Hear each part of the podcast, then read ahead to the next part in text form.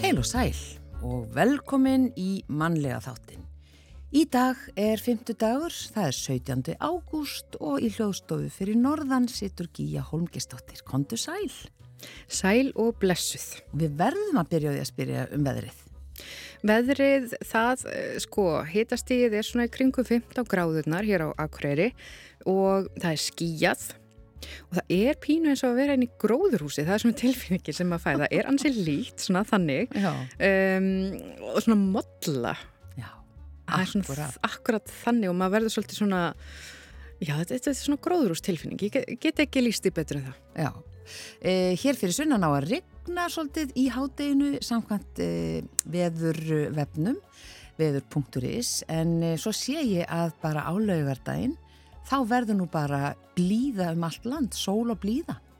Já, mér sínist það. Um nánast allt land. Nánast allt land, það verður svolítið skíjað á, á sömu stöðum en sólinn ætti nú að gæjast í gegn. En við erum að tala um 17 gráður, já, já það sem ég sé hæst á lögadarspanni. Það verður nú bara ágætt. Ekki spurning, en eigum að renna yfir viðbyrði þessa dag svona í sögunni?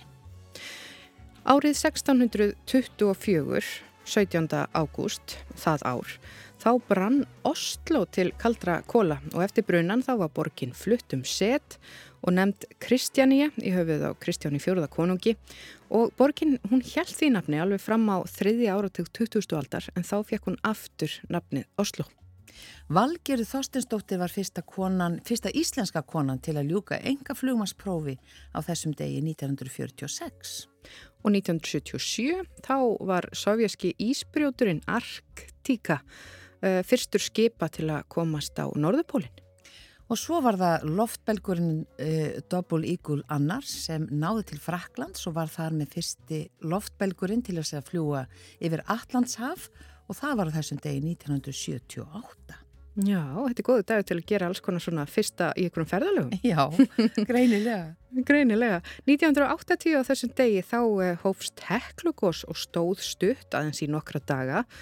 Aftur hófst svo stutt gós þann 9. april 1981 og er það talið framhald þessa gós sem byrjaði þennan dag árið 1980. Já, og uh, já, já, þetta eru bara, þetta eru engin tíðindi fyrir okkur, ég held að nánast að hverjum degi sé minnst á eitthvað gós í sögunni. Um, en svo var það fyrstu geisladiskarnir sem fóru á markaði Þískalandi með völsum eftir Chopin. Og það var árið 1982 og það er eitthvað svo stutt síðan. Já, en svo einhvern veginn hafa menn í dag svona kannski enga trúaði að þeir muni lifa eitthvað en svona samkvæmt grásrótinni þá er, þá er sagt að, að hérna geisladiskurinn eh, hans tími mun renn upp aftur fljótlega já, já. Árið 1993 þá var almenningi í fyrsta sinn hleyftin í Buckingham Hall í London. Það er svolítið merkilegt. Já, það er svolítið merkilegt. Hefur þú komið þangað? Nei, en þú? Nei, ekki inn í höllina. Ég hef staðið fyrir utan Já. og merkilegt sem ég sá. Það voru eitthvað svona vaktarskipti hjá hérna, sagt, þessum um, vörðum, varð, vörðum hérna, hennar hátegna með stóru hattana. Heldur að einn hafi ekki bara, þegar hann var að lappa og þegar þeir reyfa fætunum svo hátt upp, hann plompsaði bara rassin. Æ, Þetta já, já. var pínu vandræðilegt, svolítið fyndið, en hérna, æ, já, já, en þeir gerði þetta fagmannlega. og, og ég stoppaði stuttan að við en náði að sjá þetta. En, en þú náður ekki mynd? Nei, var, það algjör óþarfi? Já, algjör óþarfi, þetta lifi bara vel í minningunni. Já, akkurat. En, en efni, já, mannlega þáttarins í dag. Að nákvæmlega. Sko, núna á lögadaginn, hann 19. ágúst, þá verður Risa Kýrin Edda formlega við, en Edda er tveggja tonna listaverk úr smiðju Beati Stúrmú, sem er eldsmiður og bondi hér á bænum Kristnesi í Eyjafyrði. Og kýrin er þrýr metrar á hæð og fimm á lengt og er hugsuð sem tákn eigafjörðarsveitar en það eru mörg blómleg mjölkurbú hér á svæðinu og við ætlum með þetta forvittnast um þetta merkilega listaverk hér í manlega þættinum í dag. Já, örgulega margi sem leggja leið sína e, á laugardaginn til þess að hérna líta þetta augum, leggja leysina þarna í, e, á e, Kristnes.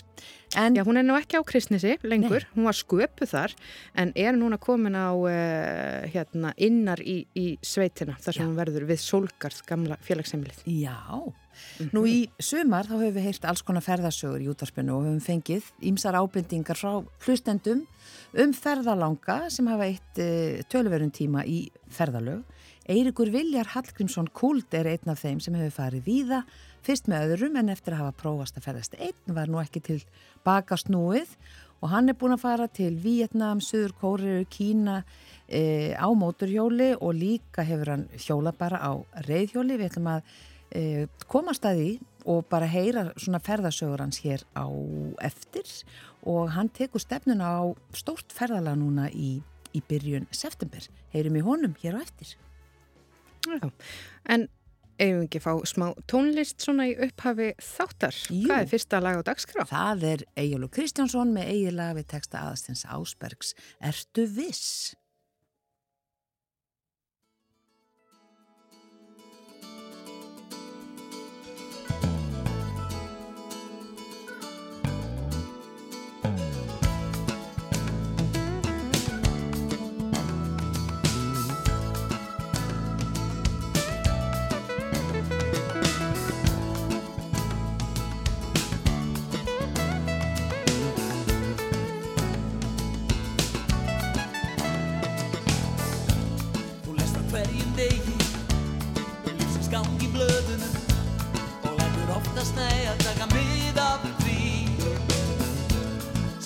breytulegri í sluttum vegum röðum en skilningur er bundin við allt sem fútt er í.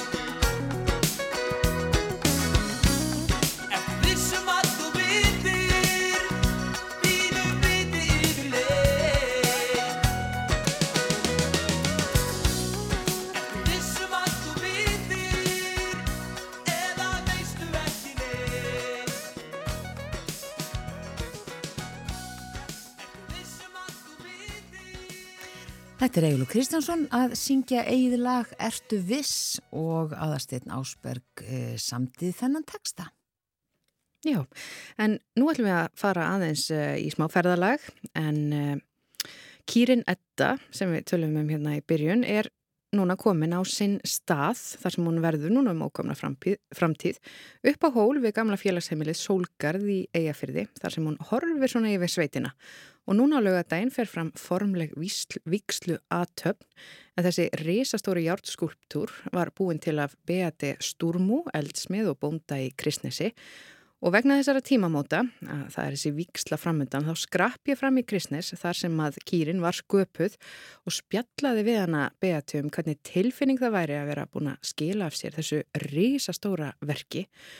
Og Við tvær við settum sniður á bekk þarna fyrir fram að smiðjuna við bæinn og ég byrjaði á að spyrja hana, Beati, hvað við værum að horfa á?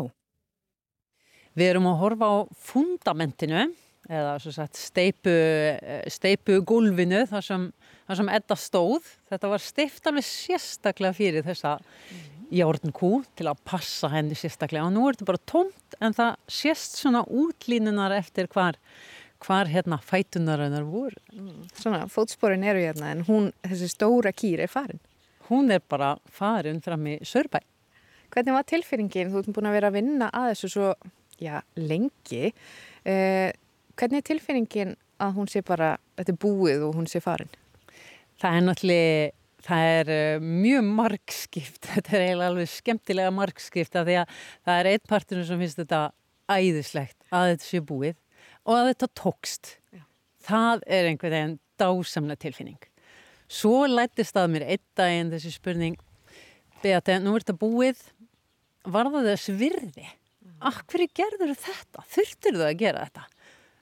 Og hérna ef þú eru gert þetta aftur að þú væri byggðin í dag? Og ég var svolítið erfitt um að svara þessu. Og finnst þetta svolítið skemmtilegt að þetta laumist svona aðeins aftan að manni. Akkur þurftur þú að gera þetta en, en þetta bara þurfti að gera þetta var bara svona þetta var bara verkefni sem ég þurfti að gera Já. og, og það var eiginlega svolítið skemmtilegt. En þurftur að gera það? Langaði þið ekki líka pínu til að gera það? Jú, ég er að meina ég, ég, í mínum huga þá, þá sittur þetta svolítið saman sko. það sem ég þarf að gera er það sem ég langar að gera ég þarf aldrei að gera neitt sem ég langar ekki að gera og þú talaður um að, að, að myndur ekki þetta aftur. Um, þetta er, er ekki svona verkefni svona þessari stærðagráði eitthvað sem að maður veit ekki hvað maður er að fara út í. Uh, eitthvað sem maður kannski myndir svo ekki gera aftur þegar maður lítið tilbaka. Jú og það, það er svolítið ég þekki sjálfur mér það vel. Mikið ögnum margra ára sambúð með sjálfur mér Ég hef þessi, mér finnst svo spennandi að fara út í eitthvað sem ég kann ekki og veit ekki hvað er. Af því að þá veit ég heldur ekki hversu mikið vinna liggur í það og það er svo, það er svo skemmtilegt að fljóta bara um í svona, já, svolítið svona óvisa. Ef ég ætlar að reyna svo eitthvað sem tekst vel og ætlar að reyna að gera það aftur og svo, svo byrjaði ég kannski að segja ó, beati mannst ekki hvað þetta var rosalega mikil vinna ég held ég, ég nenn ekki að gera þetta því ég veit hvað þetta er erfitt Já. En aðeins um hana Eddu, eh, hún byrjaði og ég er að horfa á svona frumyndina af henni svona, þannig er hún bara voðalega lítil og, og, og sæt og pen um, Hvað tók þetta eftir langan tíma að smíðana og hvað komu margir að verkinu? Sko þetta tók í, í smíðum sem sagt það sem maður verið að vinna með járnbútana sem sagt og þá var þetta nákvæmlega eða tvö ár sem þetta tók. E, það var ekki unnið hérna á hverjum deg af því að ég á enga ekkert húsnæði sem er rúmarenni þannig að hún er gert hérna út á hlaði heima í Kristnesi. Og við vitum jú að Íslandi er vetur og kallt og þá er mjög erfitt að vinna. En hins vegar er ég búin að hugsa um þetta að þessi tvö ár, ég er búin að vera með hann í, í huga og hugsa um hvernig næsta skrefi á að gerast hvern einasta dag í tvö ár. Þannig að í smíðum og ekki í smíðum, jú, tvö ár. Eh, það eru doldið margir búin að koma að þessu, en ég er búin að vera að taka þetta saman að við erum svolítið búin að vera fjórir svona aðal, aðalsmiðir og ég fekk náttúrulega, eh, fyrst af öllu þá fekk ég náttúrulega Simon Beiler, smiður frá Sviss sem, sem hérna, kom og smíðaði höfuðið á kýrin mm -hmm. og svo kom hann aftur og gerði júrað. Og svo var smá auka tíma þannig að hann fekk að gera halanum líka. Og hann án og doldi stóran part í þessa kú í smíðin á þessa kú. Það er alveg, það er alveg klárt. Síðan fekk ég líka konu frá Svíþjóð sem er mentaður eldsmiður Lína Söderberg sem sem hefur rinnsluna að gera stóra skúlptúra, einhvern veginn að vinna með stærri hlutir. Og hún, hún var frábær í það að einhvern veginn bara, jújú, höldum bara áfram, höldum bara áfram, já, já, eitt skrif í einu og jújú, reynum að koma upp þessu járni, þetta, þetta kemur, þetta verður gott. Já. og það, það var svo gott af því að þetta, þetta var stort verkefni, þrýr metrar á hæð, þá nærðu ekkert að standa á jörðinni og vinna efst uppu hana, mann þarf upp í einhvert stillas eða kassar sem ég smíðaði hérna. Og, hérna, og maður sér ekki hvað maður er að gera í rauninni. Maður þarf vel að fara niður á pallin og bakka svolítið og horfa og þá sér maður að nei þetta var alveg skakt. Eða nei þetta kom vel út. Já. og síðan er, er þriðji stóri aðstóðar maðurinn það er Björn Sigvartsson frá Söðakrók sem er líka búin að vera ómetanleg aðstóðar mann hennar sem hefur bara komið aftur og aftur og aftur og bara jú, nú þurfum við að smíða og það er, það er dásamlegt og, og já, rosalega verðmætt að eiga svona góða menn að. Já. Eh, og þú hefði vantilega ekki geta gert þetta án, án þessa fólk sem kom svona og, og, og ítti þér áfram? Nei, það er, það er klart. Ég hefði aldrei klárað að smíða þessa kú án aðstofa fólk og, og það eru miklu fleiri sem hefur komin að þessu, kannski aðeins, aðeins minna heldur en hinn en, en það eru það var mjög erfitt að vinna eitthvað á þess að smíða þessu kú einn. Mm -hmm. Það var eiginlega tveggja manna verk alltaf. Þannig að ég var alltaf að fiska. Ég er búin að fiska vinkunur og fjölskyldan og, og vinnur og kunningjar og, og bara, já, nefndi það sko. Áður en þú gerðir þessa reysa kú, hana ettu, hvað var það stærsta sem þú hafðir gert í játni? Þú ert játnsmiður og hefur gert alls konar hluti, en hvað var það svona það stærsta sem þú hafði gert áður?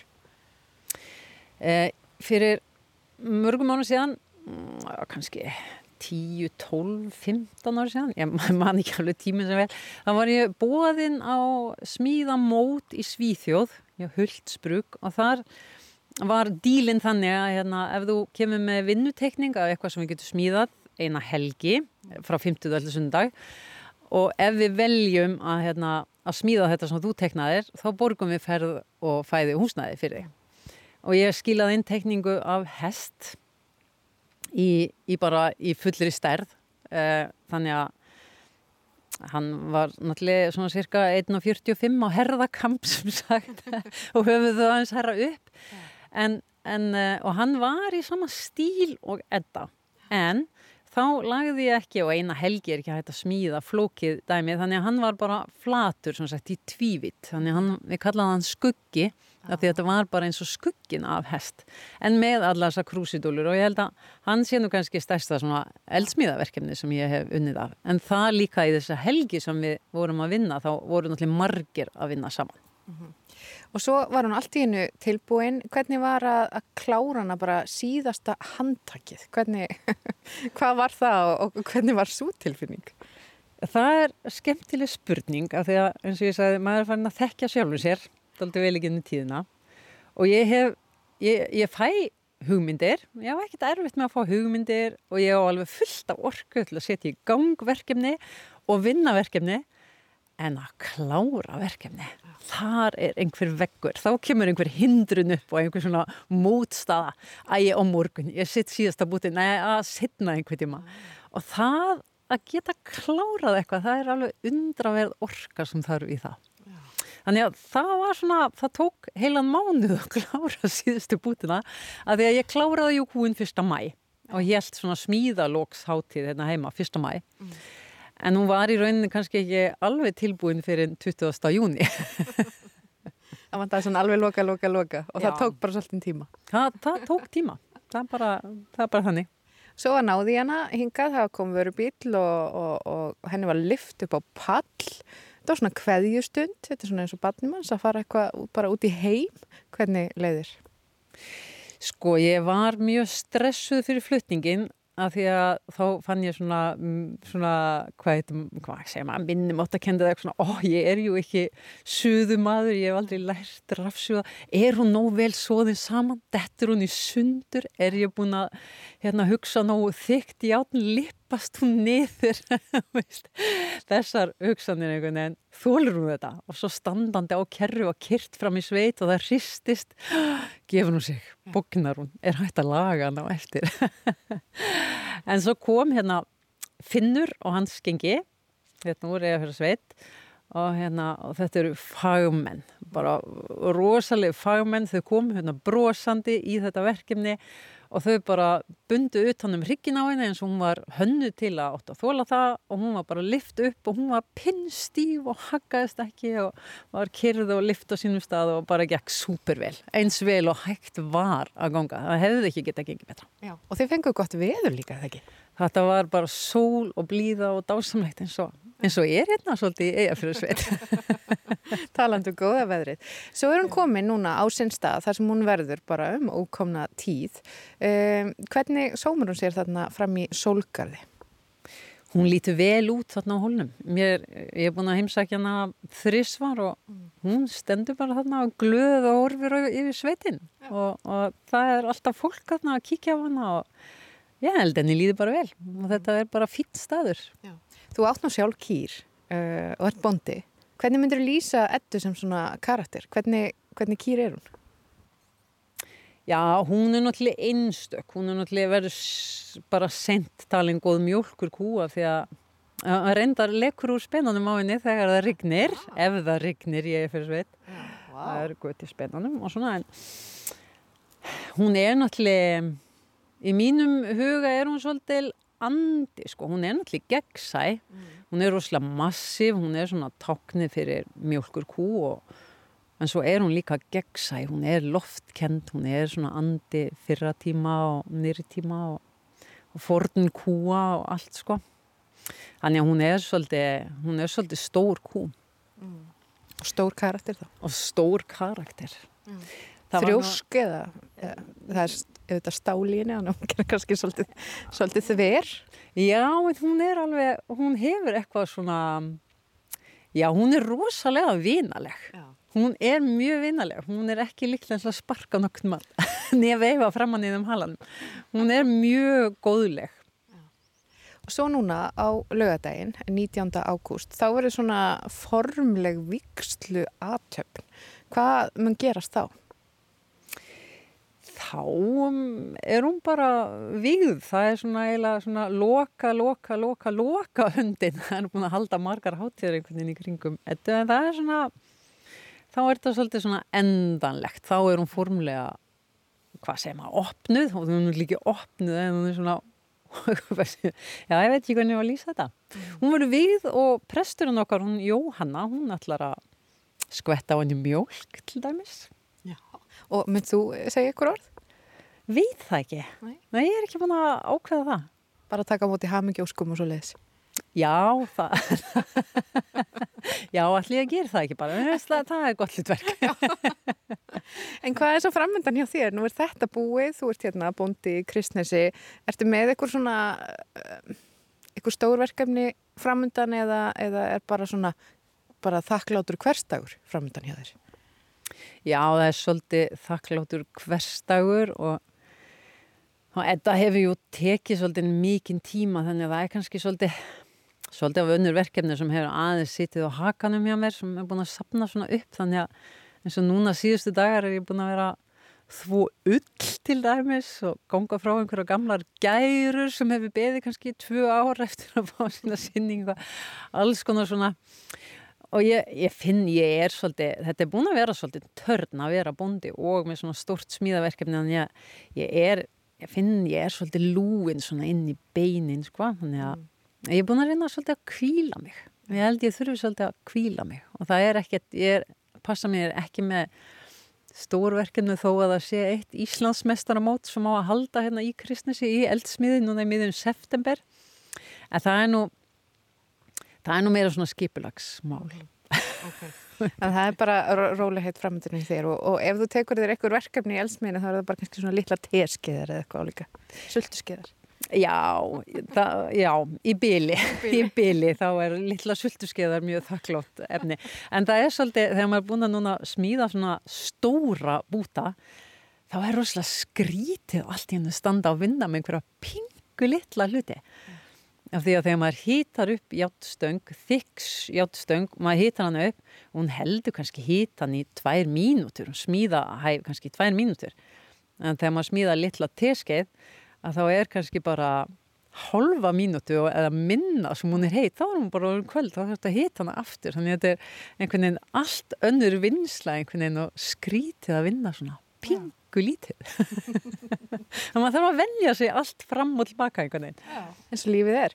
Uh, Beate Stúrmó, takk fyrir að taka mátu mér hérna á hlaðinu í fótsporunum hennar uh, Eddu þarna þar sem hún var búin að vera í tvö ár. Og er núna komið fram í sólgarði Egeferðsveit þar sem hún verður og verður vigðu núna á lögadaginn bara innilegar hamingi óskir bara með hana, hana ettu og, og takk fyrir spjallið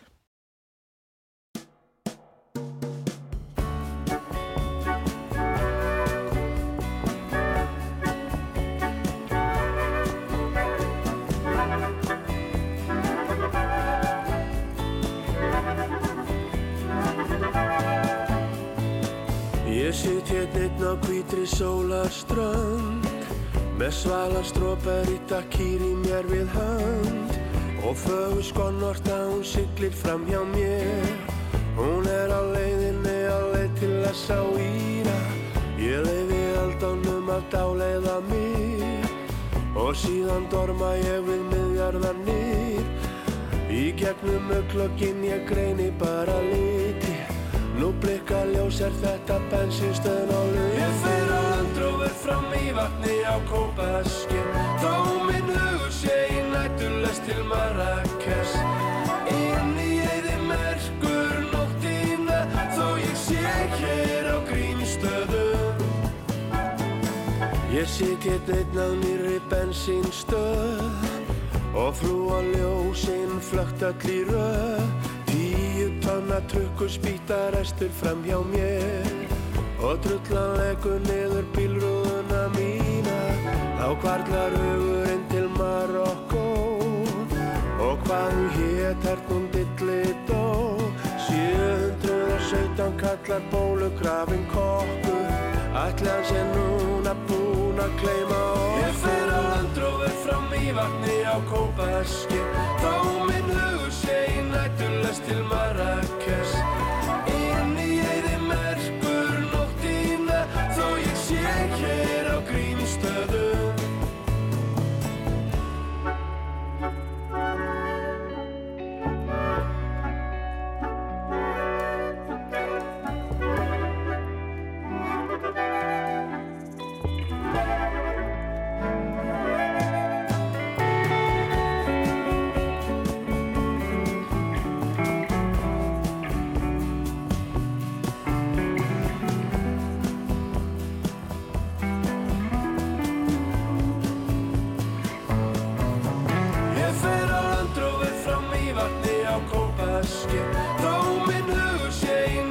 nættulest til Marrakes Inn í eði merkur nóttina Þó ég sé hér á grímstöðum Ég fer frá Hólmavík og Steingrímsfjörðar heiðina Og sé þar pálmatri og myndur grænar eiguna Þegar ég tegi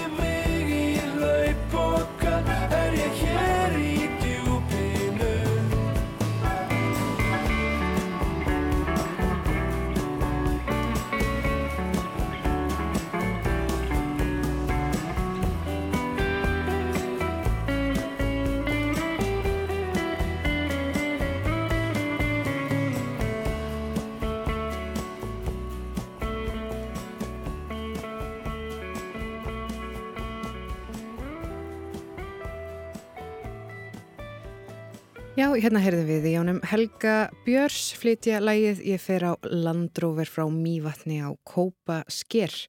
Mikið ferðalagi í þessu lægi og uh, það er, uh, það var hann Alli Bodlason, Guðmundur Óskar Guðmundsson og Helgi sem að, uh, já, gerðu textan og lag.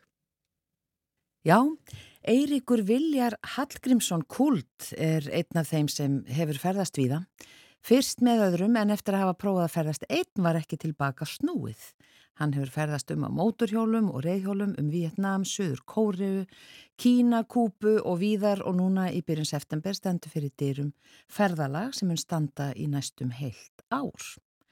En hvenar hófst þessi ferða áhugi?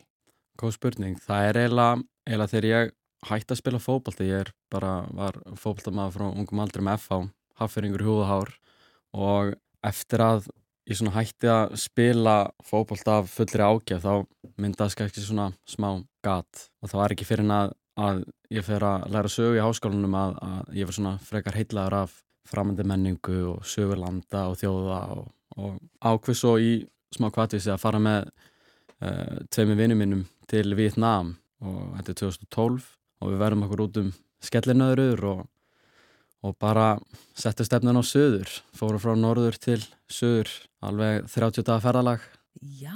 og ég var einu með mótjólapróf en samt freka blöytur á bakveg eirun ég held ég að fengja það tveim vikum aður og hinn í félagmyndi voru ekki með mótjólapróf þannig að það fóru tveir klukkutímir að kenna þeim hvernig að skiptum gýr og svo bara let's go Svo bara lagt að stað. Heldur betur. Já, og svona vissuði svona sirka hvaða leiði ætluði að fara? Já og nei, þetta er þótt að sé 2012 þá einhvern veginn var um, Google Maps og allt þetta var kannski ekki alveg stert verkfæri eins og það er í dag. Þannig við vorum með svona gróa áætlun en, en í hreinskilin sagt nei, eiginlega ekki. Við bara vissum að við þurftum að enda í Saigon í Suðri sem er stærsta borgin í Vietnam, ekki höfuborgin reyndar og við byrjum í Hanoi sem er höfuborgin, norður og vorum með svona grófa hugmynd og höfðum séð toppgýr þátt nokkurum árum áður þar sem þeir fór í svona svipað æfintýri en við vorum með lítið plana við á hreinskilin Já, og hvernig var það að lenda þarna í Hanoi?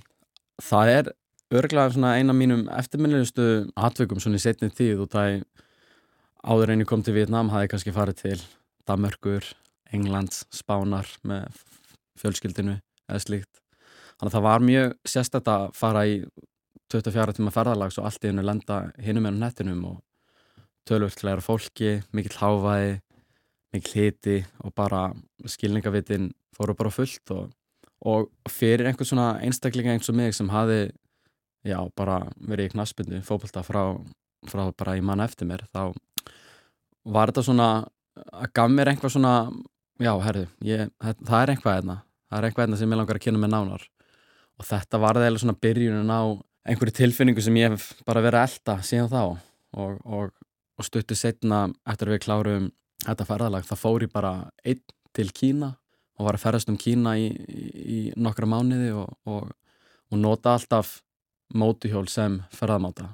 Gaf mér svona ákveði frelsi og, og fór yfir til Myanmar hjólaði niður Myanmar í einn mánu til dæmis.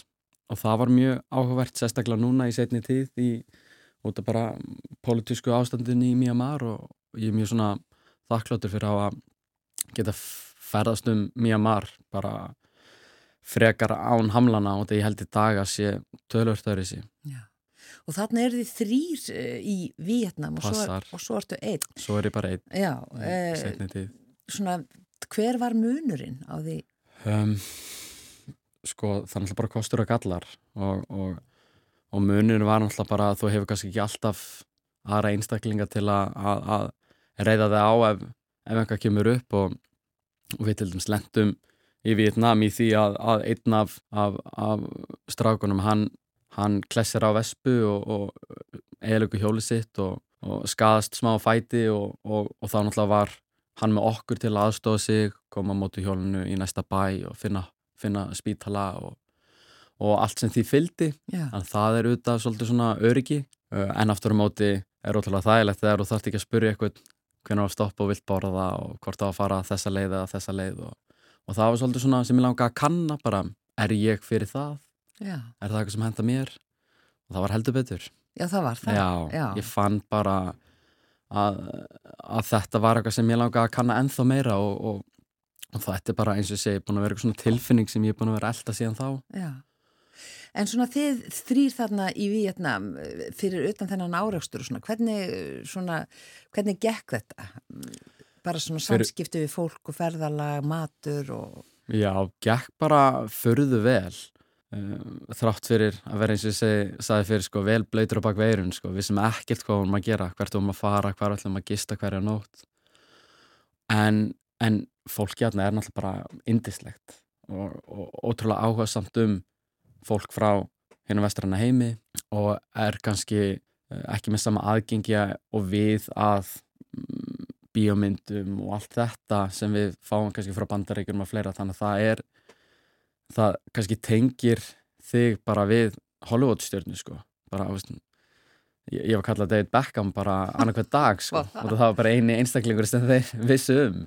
Þannig að við varum allir David Beckham og, og þannig að það var mjög skemmtilegt að, að, kynnast fólkin á þennan hátt og bara eins og ég hef uh, upplefið öllum mínum æfintyrum að ferðalöfum þá 99,9% af fólki er bara indislegt og, og gerir allt fyrir þig og ef þú bróðst til þeirra þá bróðst þau til þín og, og munir alltaf taka sér tíma og aðstofa þig þó að þeirra tími getur verið alveg mikilvægur og minn sko.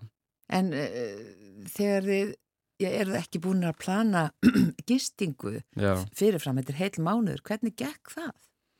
Það gekk förðu vel, við vorum kannski með svona, ok, við ætlum að, en, við ætlum að fara að þanga eftir þrjá daga en málið er bara að við viltum stoft og, og, og og lendum kannski í því að við sáum, ok, það er 300 kilometrar í bæi sem við ætlum að gista en 300 kilometrar í Vietnám þar sem búa 100 miljón manns, eitthvað skæðans öðru sig heldur en að fara að hinga á til blöndasar sko. Þannig að kilometrin aðeins lengri þarna. Já. Þannig að við þurftum oft bara að spila fingur fram og bara spurjast fyrir þegar við að byrja að rökva, leita eftir skiltum þar sem stóð hótel og við lærðum eiginlega bara út af þeir náttúrulega har allt eiginlega á Vietnám sko, þannig við lærðum bara hvernig hótel var skrifað og já, spilum bara gjörsanlega fingur fram sem var náttúrulega bara hluti af ævintýrunu og, og, og adrenalínu sem þið fylgdi. Já, eru það aldrei hrættir? Nei, ef ég var hreinskilin þá hef ég aldrei ég vona að ég hljóð mikið of eins og sem of mikið sjálfströst að kemur þessu en, en, en við verðum aldrei aldrei hrættir sko. Og ég hef aldrei upplifað einhverja mikla hræðislu í mínu ferðalöfum ef ég var hreinskilin mm. Þó ég hafi lendt í ímislegu sko. Og mín helsta hræðislega hefur eiginlega alltaf bara verið að, að vera svangur einhver staðar. Og það ég, ég er íþróttamæðu mikill og ég lifi fyrir mat og, og það er alltaf mín mesta hræðislega að vera svangur eins og að rætta stað eins og allt annað. Mm. þannig að nei, vorum aldrei hrættir Nei, og svona uh, pöttur, það hefur ekkert verið eitthvað sem jú, var að tröfla ykkur? Jú, en, en, en ekkert sem mann eftir sérstaklega fyrir utan að við gistum einu sinni í gístaheimil sem var uh, með mikið af þessum kallast bedbugs á, á ennsku ég veit ekki hvað myndi snarast yfir íslensku. Já, ég man ekki heldur hvað það heitir íslensku. Ekki bara, núna. bara litlar pirrandi pöttur sem býtaði þegar þú sefur. Mm. en, en ég meina tveim, þreim dömi síðar eru flest bitið farin og, og þeir eru hægt að klæja og, en ekkit svona sem, sem var eitthvað pirraðið eitthvað þannig. Það voru náttúrulega fullt af framöndi dýrum hér og þar og og snákar og fleira sko. Og mér minnist það þegar ég held ég var að fara að keira við trjádrömb og var að búast við svona smá höggi en það kom ekki og þá leytið tilbaka og þá var þetta bara snákur sem ég fór yfir en hann liðaðist inn í frum sko þannig að hann var í lægi en hann, hann var mjög stór og mikill Já, semst bara slanga Já, bara slanga Kannski snákur ekki yfir já, já. eins og Íslendingur Eiginlega, það var eins og maður ræðindrun það var algjörlega óvart Já, hérna. En já, maturinn þykir mjög góður í Vietnam. Hann er frábær. Bara ég farið oft til Vietnam eftir þetta og þetta var eiginlega svona byrjun að, að minni hugmynd að kynna Vietnam fyrir Íslandingum og ég verið bæðið með reyðhjólaferðir og móthjólaferðir í sendi tíð já, til. Já. Og maturinn er algjörlega frábær og hann er náttúrulega allur úr héræði. Það er voðalítið innflutt og, og þeir eru gefast út fyrir það að vera socialist samfélag og eru en þá leiðinni að verða fullkomlega um, sjálfbær. sjálfbær og eru það miklu leiði það er miklu meiri útflutningur heldur en innflutningur þannig að það er alltaf núr hér aðeins þannig að allt er vola fest mm. en með að nota mótjólun og reyðhjólun þá komustu svolítið svona undir rifin og, og erum að upplifa Vietnám og þessu lönd sem ég er að fara með hópa til á mjög einstakann hátt þú sérð miklu meira, miklu meiri návi við heimafólkið og, og eins og segi kemst aðeins svona undir rifin Já. í þessu löndum og kynnist þeim tölverð dýbra, nánar og, og Mm. Ótrúlega skemmtileg, skemmtileg ferðamátar, mótuhjól og líka reyðhjól, Já, virkilega. og fólki mjög vinsamlegt eins og þú segir. Já, bara- Og gestrisið. Þú, þér verkar í kinnarnar þú brósir svo mikið. Og hvernig var það að fara til Kína og vera einn? Uh, ef ég var hreinskilin, Var það ekki næsta ferð? Jú, það var næsta ferð og, og ég kannski í einhver svona barnslegri einfeldni þá held ég að upplifinu myndi verða vola svipuð en, en, en ég átti mjög erfitt uppdráttar í Kína. Ég var ekki alveg að, að finna mig jafn vel.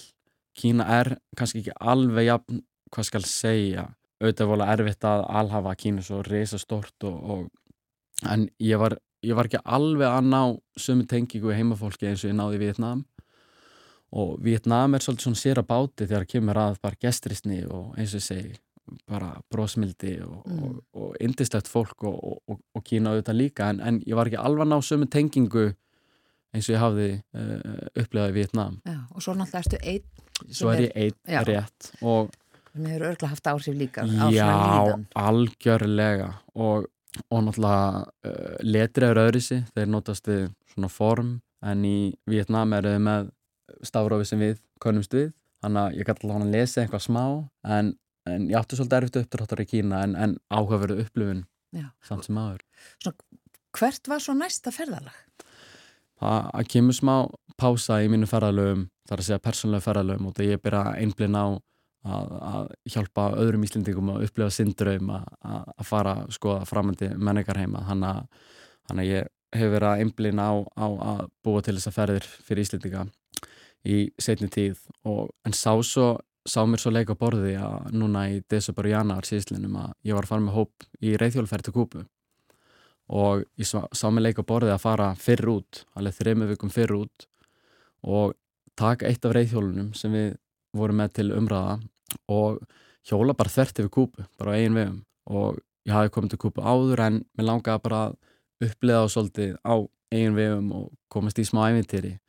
Og ég hafði líka verið að læra spænsku hérna heima og mér langaði bara að skoða bara, hm, hversu góður er í orðin í spænsku?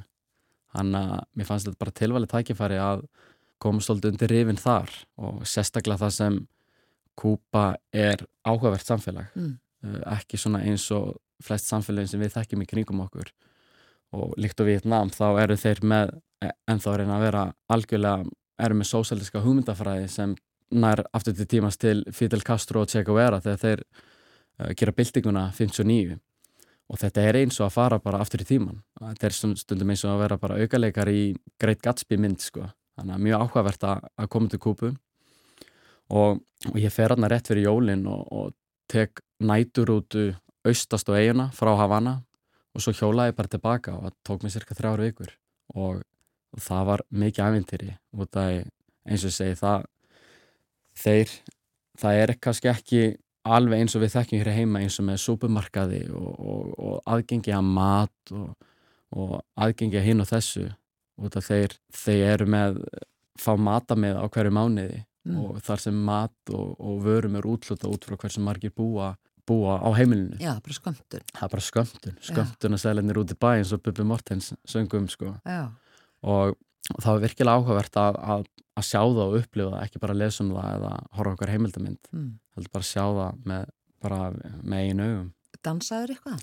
Já, einhvað en, en sem fyrir um fótboltamaður það eru með aðmyndi kannski frekar stífar en ég reyndi mynd besta heldur betur og Kúpa er náttúrulega bara eins og fólk getur ímyndað sér algjörlega undur fögur, Mm. virkilega fallega strendur og litrikt samfélag en á sama tíma þá er auðvitað mikil skortur á lifum, mat og eiginlega bara hverju sem er Já. E, þú ert að fara í ferðalag bara núna eftir nokkra vikur. Rétt. Þetta er sérst ferðalag sem eða hugmyndi byrjar þegar ég fer fyrstaninn í Vietnam og, og hugsa ok, mér langar að gera eitthvað starra, mér langar að aðtöða hvort að ég geti verið einn á ferðalagi.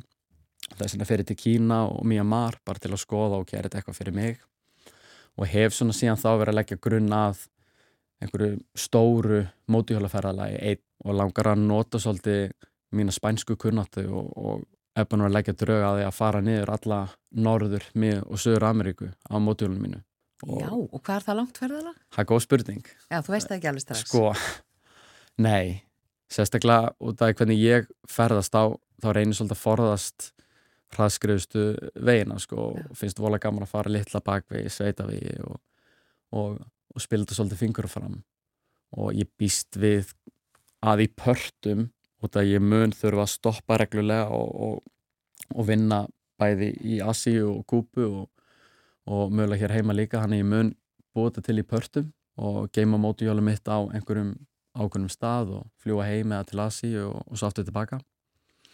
Hann ég býst við ég vona að mamma sé ekki að hlusta, ég býst við kannski all, alltaf ár Já Býst við með, með, með stoppum hér og þar Já Og hvert svona, svona hvaða punkta ertu búin að setja? Hvar, Hverjir eru förstu punktarnir? Sko, förstu punktarnir eru náttúrulega austuströnd bandaríkina og ég þarf að byrja þar og það, það er bara eina áfokastæðar sem Eimskip sigli til. Þannig hjólum mitt fyrir gám og, og fyrir yfir hafið og, og, og svo langar mér að fara bara þvertiði bandaríkin. Já en svo langar mér rosa mikið að fara í gegnum uh, Mexiko, Mía Ameriku og gefa mig góðan tíma þar Já. Pælingin er að fara svo niður Kolumbi og Ecuador og, og inn í Peru og Bólivíu og þar reyna, reyna einhvern veginn að komast inn í Amazon frumskóin og, og, og enda í Ríó í Brasilíu Þú ert heilmikill ævintýramaður, heyri ég, og, og þetta er risastórt ævintýr sem framöndan er og heilt ár undir. Þannig að þegar þú ert að vinna þá ert þú að vinna og sapna fyrir, eh, fyrir þessum ferðum sem ást búin að vera að fara í síðan 2012. Já, meir og minna. Uh, meir og minna. Þetta lítur að vera dýrst. Auðvitað er það það, auðvitað er það það og, og, og á þess að skafa af því en, en, en þetta gefur mér þetta gefur ekki bara lífinni lit heldur gefur mér bara mikinn tilgang og, og er eiginlega bara mínar æru kýr eins og staðan er í dag og ég er bara tilbúin að forðna bæði mínum tíma og jú, öllum mínum fjármunum í að búa til minningar og, og líka reyna að fræða vinnu og fjölskyldu um, um þessi lönd sem er að fara í gegnum og, ja. og, og hef það svona oft svona að leiðlósi að, að, að gefa þeim tækifæri fólkinni kringum mig, gefa þeim tækifæri á að upplifa og sjá einhvað um þessu lönd sem ég er að fara í gegnum og þau kannski hafa ekkert mikla viktnesku nema bara það sem þau lesum í fréttum sem uh, oftar en ekki er án þess að segja neikvægt en svona kannski gefur ekki alltaf alla myndin af þessum menningum og, og, og þjóðum Og ætlar að spila eitthvað fókbólta? Já, ég verði að gera það fyrst ég fyrir Brasilíu. Sína þess hvað þú getur? Já, á Copacabana ströndin í Brasilíu og, og sína einhverja sambatakta Íslenska sambatakta. Akkurat, eins og þeir gerast bestur eins og þú sagðir stífur í mjadmirna fókbóltamenninir Hvað kalluð er hérna, skandinaviskar mjadmir allir ég sé ekki með það er En bara kæra þakki fyrir að koma í þáttin okkar og segja frá þessum, já, ævintýrun þínum og, og þeim nú svo sannarlega ekki lokið enn og væri, væri nú gaman að fá að hitta því eh, þegar þú kemur heim já, úr bara, þessari, jafnvel, áslöngu ferð sem þú múst að fara í. Einmitt, bara um að gera og bara takk fyrir að, að, að gefa mig takk fyrir að, að segja frá mínum klikkuðu ævintýrum. Takk fyrir Eirikur eh, Viljars Hallgrímsson Kult og góða ferð. Já, takk fyrir það.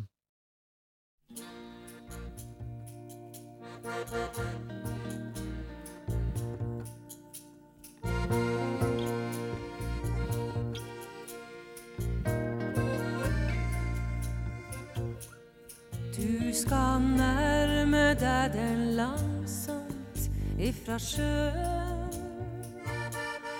Når det gryr av dag og natt taket av. Du skal fryse litt og lengte etter frokost. Du skal se ei gammel kirke speilt i hav. Du skal runde nakne nes og se at sola